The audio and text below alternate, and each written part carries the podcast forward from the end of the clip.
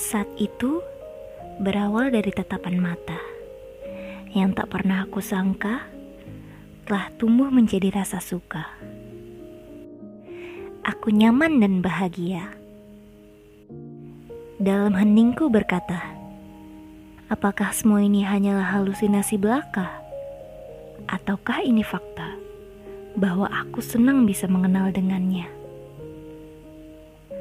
Ternyata, sesederhana itulah cinta. Bercerita lewat tatap mata, yang saling pandang tanpa jeda waktu yang panjang. Rasa resah ini ingin sekali aku melampiaskannya pada angin yang menghembus tubuhku, aku berdiri di ujung asa dengan meneriakan segala keluh kesah yang ada.